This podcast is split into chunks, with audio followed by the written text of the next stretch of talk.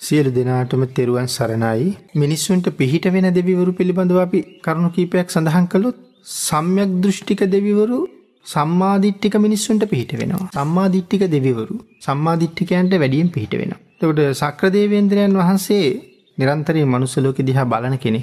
සතරවරං දෙවිවරු මනුස්සලෝක දිහා බලනවා. බ්‍රහ්මලෝකෙත් බ්‍රහ්මරාජවරු අපි කෙරෙහි අනුකම්පාවෙන් මනුස ලෝකෙ දිහා බලන බ්‍රහ්මරාජවරු ඉන්නවා. ගටීකාර බ්‍රහ්මරාජයා සනංකුමාර බ්‍රහ්මරාජයා තිස්ස බ්‍රහ්මරාජයා මේවාගේ බ්‍රහ්මරාජවරු මනුස්සලෝකෙ දිහා බලනවා අපිට අනුකම්පාවෙන්.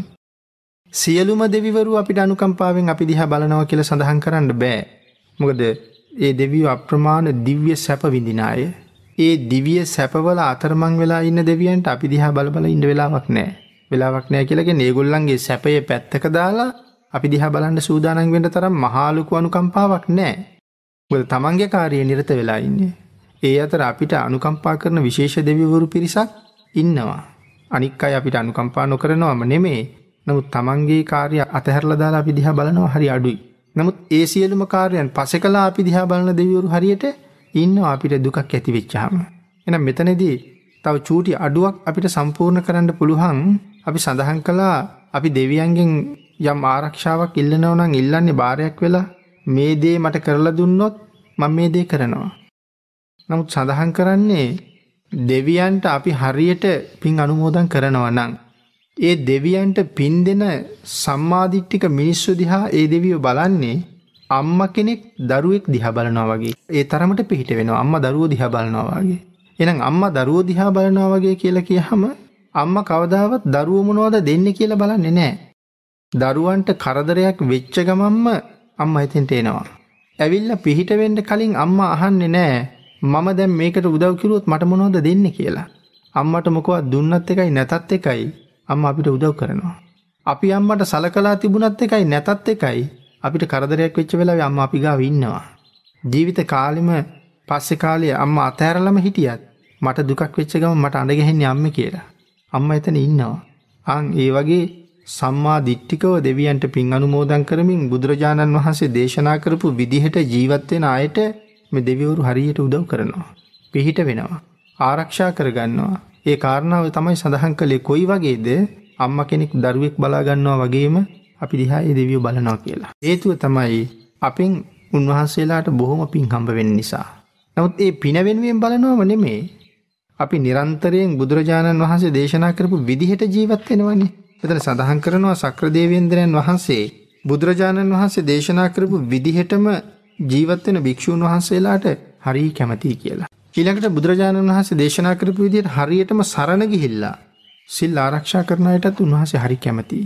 ඒ කියන්නේ පන්සිල් රකින්නවා නම් තෙරුවන් සරණ ගිහිල්ලා නිරන්තරයෙන් දෙවියන්ගේ පිහිට අපිට තියෙනවා. භික්ෂූන් වහන්සේ නමක් හරියටම භාග්‍යතුන් වහන්සේ දේශනා කරපු මාර්ගයේම හරියට නියැලෙනවා නම් ශ්‍රමණ ධර්මයේ හරියටම පිහිටලා ඉන්නවා නම් උන්වහන්සේලාට හරියට දෙවියෝ ආශිර්වාද කරනවා දෙවියෝ ආරක්ෂා කරගන්නවා බලා ගන්නවා.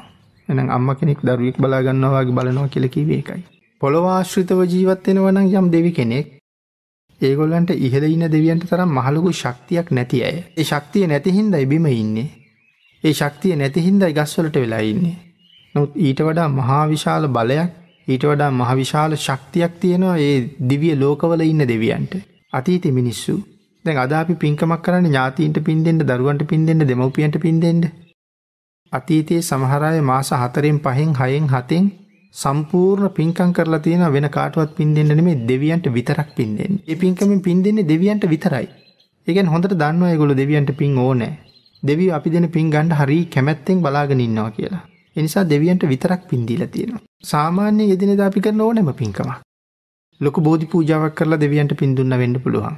ධර්ම දේශනාවක් සිද්ධ කරවලා දෙවියන්ට පින් දුන්න වෙන්න පුළුවන්. සම්මාදිට්ඨික දෙවිවරු සියලු දෙනාම සිහිපත් කරලා පින් දෙන්න පුළුවන්. ඒ සියලු දෙනාම සිහිපත් කරලා රැස් කරගත්ත පින සියලු දෙනාට අනුමෝදන් කරන්න පුළුවන්. එතකොට ඒ සියලු දෙනාම පින් අනුමෝදන් වෙනවා.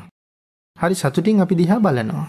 දැන් අර සඳහන් කළා වගේ මුලින් මේ පල්ලැහැ මට්ටමේ ඉන්න දෙවියෝ විතරයි අපිට පිහිට වෙන්නේ කියලා. පල්ලැහැ මට්ටමේ ඉන්න දෙවියන්ට ලොකු දෙයක් කරන්න පුළුවන් කමක් නැහැ.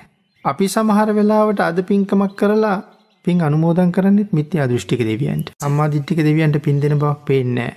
පින් දෙනවා ඇහෙනවා සමහර තැන්වල.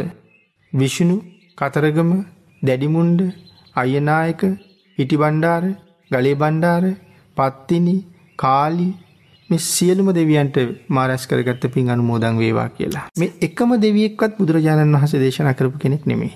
තව එහෙම දෙවිවරු ගොඩක් ඉන්නවා නාත. මේ සියලු දෙනාම මිත්‍යා දෘෂ්ටික දෙවියෝ. ඒ කියන්නේ අපි පින් කරලා පින් අනුමෝදන් කරලා තියෙන මිත්‍යා දෘෂ්ටික දෙවියන්. අපි අර සඳහන් කරපු විෂ්ණු කියලා දෙවි කෙනෙක් බුදුදහමේ නැහැ. එතකොට නාත කියලා දෙවි කෙනෙක් බුදුදහමේ නැහැ. කාලි කියලා කෙනෙක්, පත්තිනි කියලා කෙනෙක්, සරස්වතී කියලා කෙනෙක් බුද්ධඝමේ නැහැ. කතරගම දෙවියෝ ස්කන්ධ කුමාර කියලා දෙවිවරු බුද්ධඝමේ නැහැ. නමුත් අපි පින් අනුමෝදන් කරන්නේ වැඩිපුර ඒ දෙවියන්ට. ආන් ඒ නිසා ඉහළ ඉන්න සම්මාදිට්ඨික දෙවිවරු මිත්‍යා දෘෂ්ටිකයන්ට පිහිට වෙන්නේ නැහැ. ඒ කියන්නේ අපි මිත්‍යා දෘෂ්ටිකයින් එතකොට. ඉහළ ඉන්න දෙවිවරු මිත්‍යා දෘෂ්ටිකයන්ට පිහිට වෙන්නේ නැති නිසා උන්වහන්සේලා නොදකිනව නෙමේ අපිට වැස්ස නැතුව ඉන්නවා කියලා. නමුත් ඉතින් උන්වහන්සේලා ඒක ගැන වැඩි සැලකිල්ලක් දක්වන්නේ නැහැ. අපිට වැස්ස වැඩි වෙලා ගම් වතුර ගලනවා කියලා උන්වහන්සේලා නොදකිනව නෙමෙයි.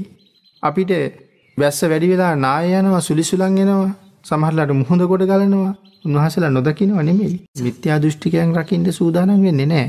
සම්මාදිට්ඨිකයන්ට පිහිට වෙනවා. ඒ නිසා අපිට සමහරලාට මේකක්වත් පාලනය කරගන්න බැරි වෙලා තියෙනවා. මොකද මේ වැස්ස වලාහක දෙවියෝ එහෙම වැඩි ප්‍රමාණයක් සම්මාදිට්ඨිකයි. වලාහක දෙවියෝ සෝවාන් වෙච්ච අය වැඩියෙන්ම ඉන්නේ. ඉතින් උන්වහන්සේලා අපේ වර්තමාන පැවැත්ම පිළිබඳව සතුටක් නැහැ. අපේ පැවැත්ම පිළිබඳව අප්‍රමාණ අප්‍රසාදයක් තියෙන්නේ. ආන් ඒ හින්දා තමයි අපිට මේ වැස්ස ලැබෙන එකත් එක එක පැති වලට වෙනස් වෙලා තියෙන්නේ. පැත්තක් ගම් වතුර ගල්ලා විනාශ වෙනවා. සමහර පැත්තකට බොණ්ඩ නාගන්නවත් වතුර නැහැ. සමහර පැත්තක් හොඳට පැහෙනවා. නමුත් කපන්න ලෑස්ති වෙනකොට වැහලා ඒ ඔක්කොම ටික ගලවගෙන යනවා. උන්වහන්සේලාගේ නෑ අපි ගැන සතුටක්. ඒ කියන්නේ අපි ගාව භාග්‍යතුන් වහන්සේ දේශනා කරපු විදිහේ ජීවිත පැවැත්මක් නෑ. ඒ පැවැත්ම නැති හින්දා සම්මාදිට්ඨිකයන්ට පින් දෙන්න විදිහක් නෑ. අනික බුද්ධ දේශනාවෙන් එළියට ගියපු අයට බුදුරජාණන් වහන්සේ සරණ ගියපු දෙවිවරු පිහිට වෙන්න සූදානම් වෙන්නේ නෑ. ඒ වගේ කාරණා ගොඩක් එතන බලපානවා.